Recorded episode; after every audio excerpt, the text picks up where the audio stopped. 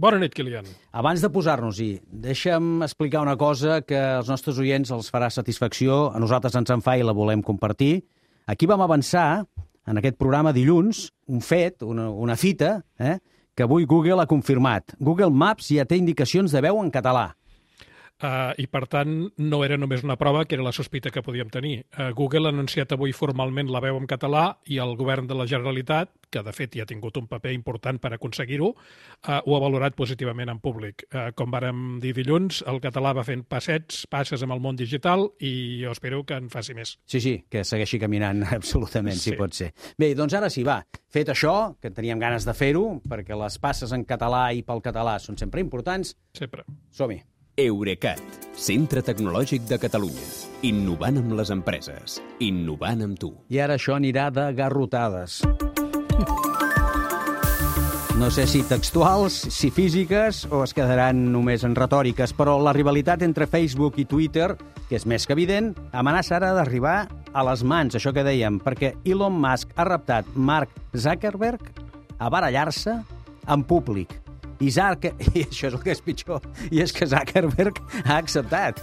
Sí, uh, tot va començar la nit passada a Twitter en un fil sobre aquella nova aplicació vinculada a Instagram que la seva matriu Meta prepara per competir precisament amb Twitter.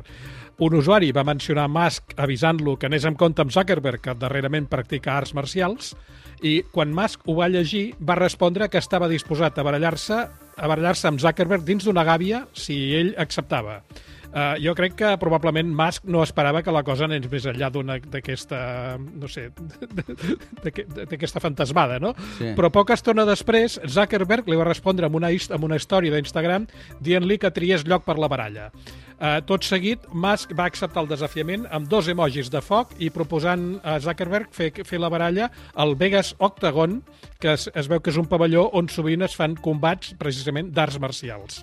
Uh, tot plegat pot semblar una broma, però un periodista de Diverge, de la web tecnològica, ha preguntat a Meta si anava de debò i l'empresa li ha respost que la història, la història aquesta d'Instagram del Zuckerberg, deia el que deia. Per tant, a hores d'ara és possible que veiem aviat una baralla a Las Vegas entre dos dels individus més rics, més, més influents del món, com si fossin un parell de brètols amenaçant-se amb allò de això no m'ho dius al carrer.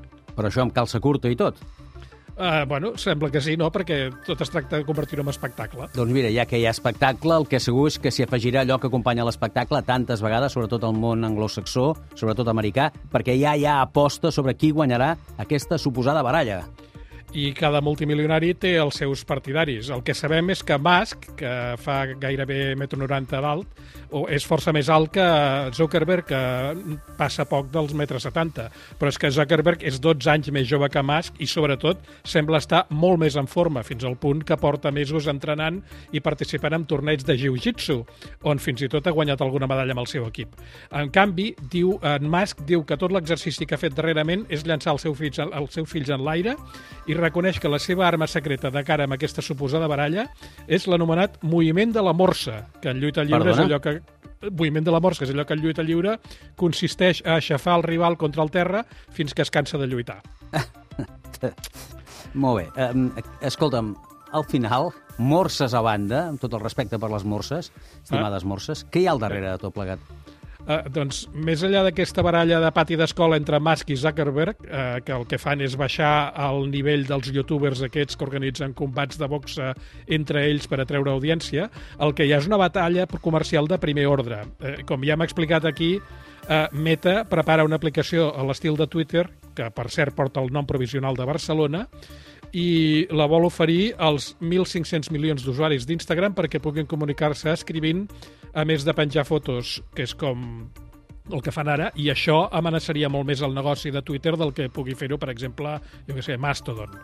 Uh, jo diria que el que ha ofès més Elon Musk són unes declaracions de Zuckerberg en una entrevista on l'amo de Meta deia que el que li sembla mentida és que Twitter ja no tingui mil milions d'usuaris, de fet en té una tercera part, com a molt, i això es podria interpretar clarament com un menyspreu a la capacitat de gestió d'Elon Musk. Bé, escolta'm, doncs, la imatge de veure'ls amb calça curta comença a fer mal una mica, eh, quan tanco els ulls. Eh, Deixem-ho estar aquí. deixem-ho aquí, millor. Una abraçada i que vagi bé. Bona nit, Kilian, fins demà.